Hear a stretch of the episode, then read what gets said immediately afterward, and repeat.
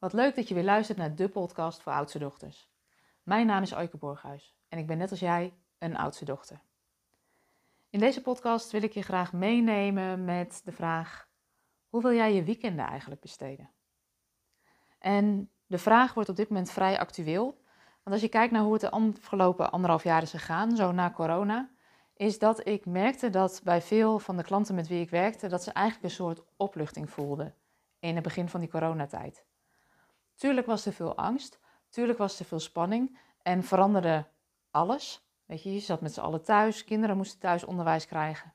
Maar wat er tegelijkertijd ook gebeurde, is dat er een soort rust ontstond. Dat ik zag dat schouders zakten.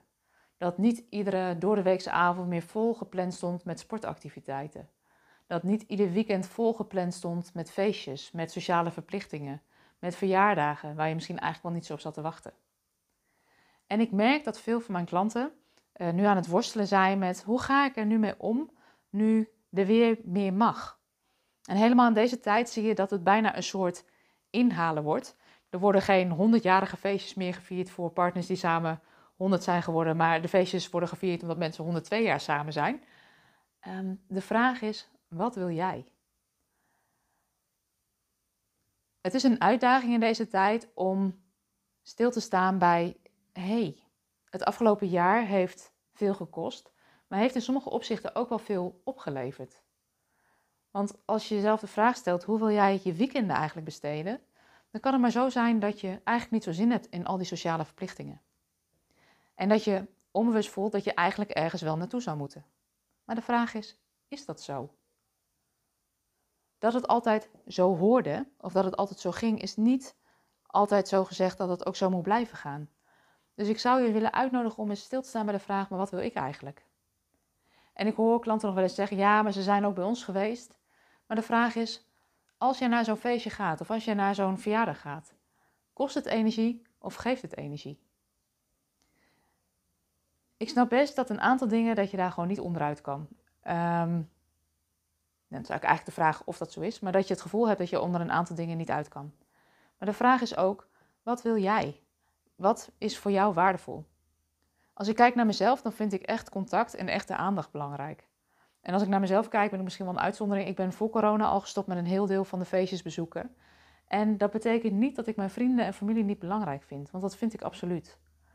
Maar ik maakte vaak de keus om um, te kiezen voor een één op één moment met die mensen. Als ik weet dat er een grote verjaardag is, dan um, ga ik misschien niet, maar stuur ik een kaart met een uitnodiging voor een gezamenlijke wandeling. Of een gezamenlijke sauna date. Of ergens lekker een hapje eten. Of een andere plek waar we lekker kunnen bijkletsen. En mijn ervaring is dat dat soort momenten waarbij je elkaar echt ziet, er echt contact is, echt verbinding is, mij veel meer energie opleveren. En een veel oprechter contact met degene met wie ik op dat moment ben. Dan is daar de volledige aandacht. Want heel vaak op de feestjes waar je naartoe gaat, spreek je de jarige helemaal niet eens. En nou ja, het is ook de vraag van, hey, tref je ook gelijkgestemden op zo'n feestje of op zo'n verjaardag? Of gaat het alleen over koetjes en kalfjes? En als het voor jou voldoende is om alleen over koetjes en kalfjes te praten, dan is dat helemaal oké, hè? dan is dat helemaal prima. Blijf dan lekker doen wat je wil. Maar als je voelt dat je veel meer houdt van diepgang, van echte gesprekken, van echt contact, dan zou je jezelf de vraag kunnen stellen: hoe geef ik mijn vrije tijd en mijn weekenden vorm? Als ik kijk naar hoe we dat bij ons gezin hebben vormgegeven, is dat wij in principe de zondag vrij houden. Dus als we uitnodigingen krijgen voor de zondag, dan gaan we in principe niet, tenzij we voelen dat we willen. En dat geeft ons de ruimte dat we in ieder geval één dag in de week kunnen doen wat we willen. Als we wel naar mensen toe willen, kan het. Als we niet naar mensen toe willen, kan het ook. Als we zin hebben om lekker in pyjama te blijven lopen of de hele dag met een boek op de bank te zitten, dan is die ruimte is er. Dus het is eigenlijk de vraag aan jou, als je heel eerlijk bent, hoe zou je dan je weekenden willen besteden? En welke keuzes horen daar dan bij? En ja, er hoort soms een stukje schuldgevoel bij, maar ik denk dat het belangrijk is dat je daarin ook echt trouw bent aan jezelf en de keuzes maakt die je wil maken.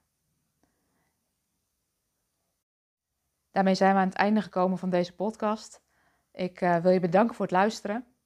Mocht je nou denken, hé, hey, deze podcast is waardevol, of ik wil meer informatie uh, lezen, horen of zien, abonneer je dan op deze podcast. Of Kijk even op de website www.oudstedochter.com. Voor nu wens ik je in ieder geval een hele fijne dag.